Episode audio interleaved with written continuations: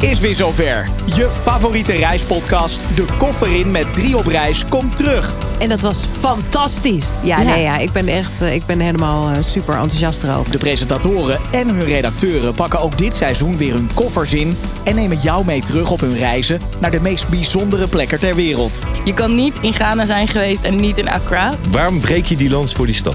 It's the vibe.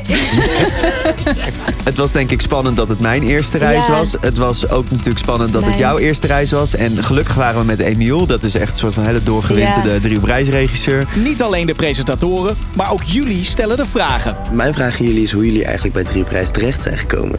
Hoe lang ben je per tripje of opname weg van huis en is dat wel eens lastig voor jullie en of het thuis komt? Wat als je nou op reis moet met een collega die je wat minder leuk vindt? En je hoort hoe het er echt achter de schermen aan toe gaat. En dat gaat niet altijd zoals gepland. Dus na drie kwartier, nog een kwartier op de klok. ja, stop die boot ermee. En wij zei, guys, we run out of gas. Oh, en side note, eh, er zaten ook krokodillen in dat water. Ja, Dus en dat is het werd echt zo- donker. en het werd donker. En je waren bijna aan het zinken. Ja, ik had me tien minuten goed gevoeld en toen ging het weer. En toen kan- ging ik van de andere kant. Dus ik heb zo op het bordes vlak voor de Taj Mahal zo vol staan overgeven. Waarop onze fixer, ook onze lokale gids, zei...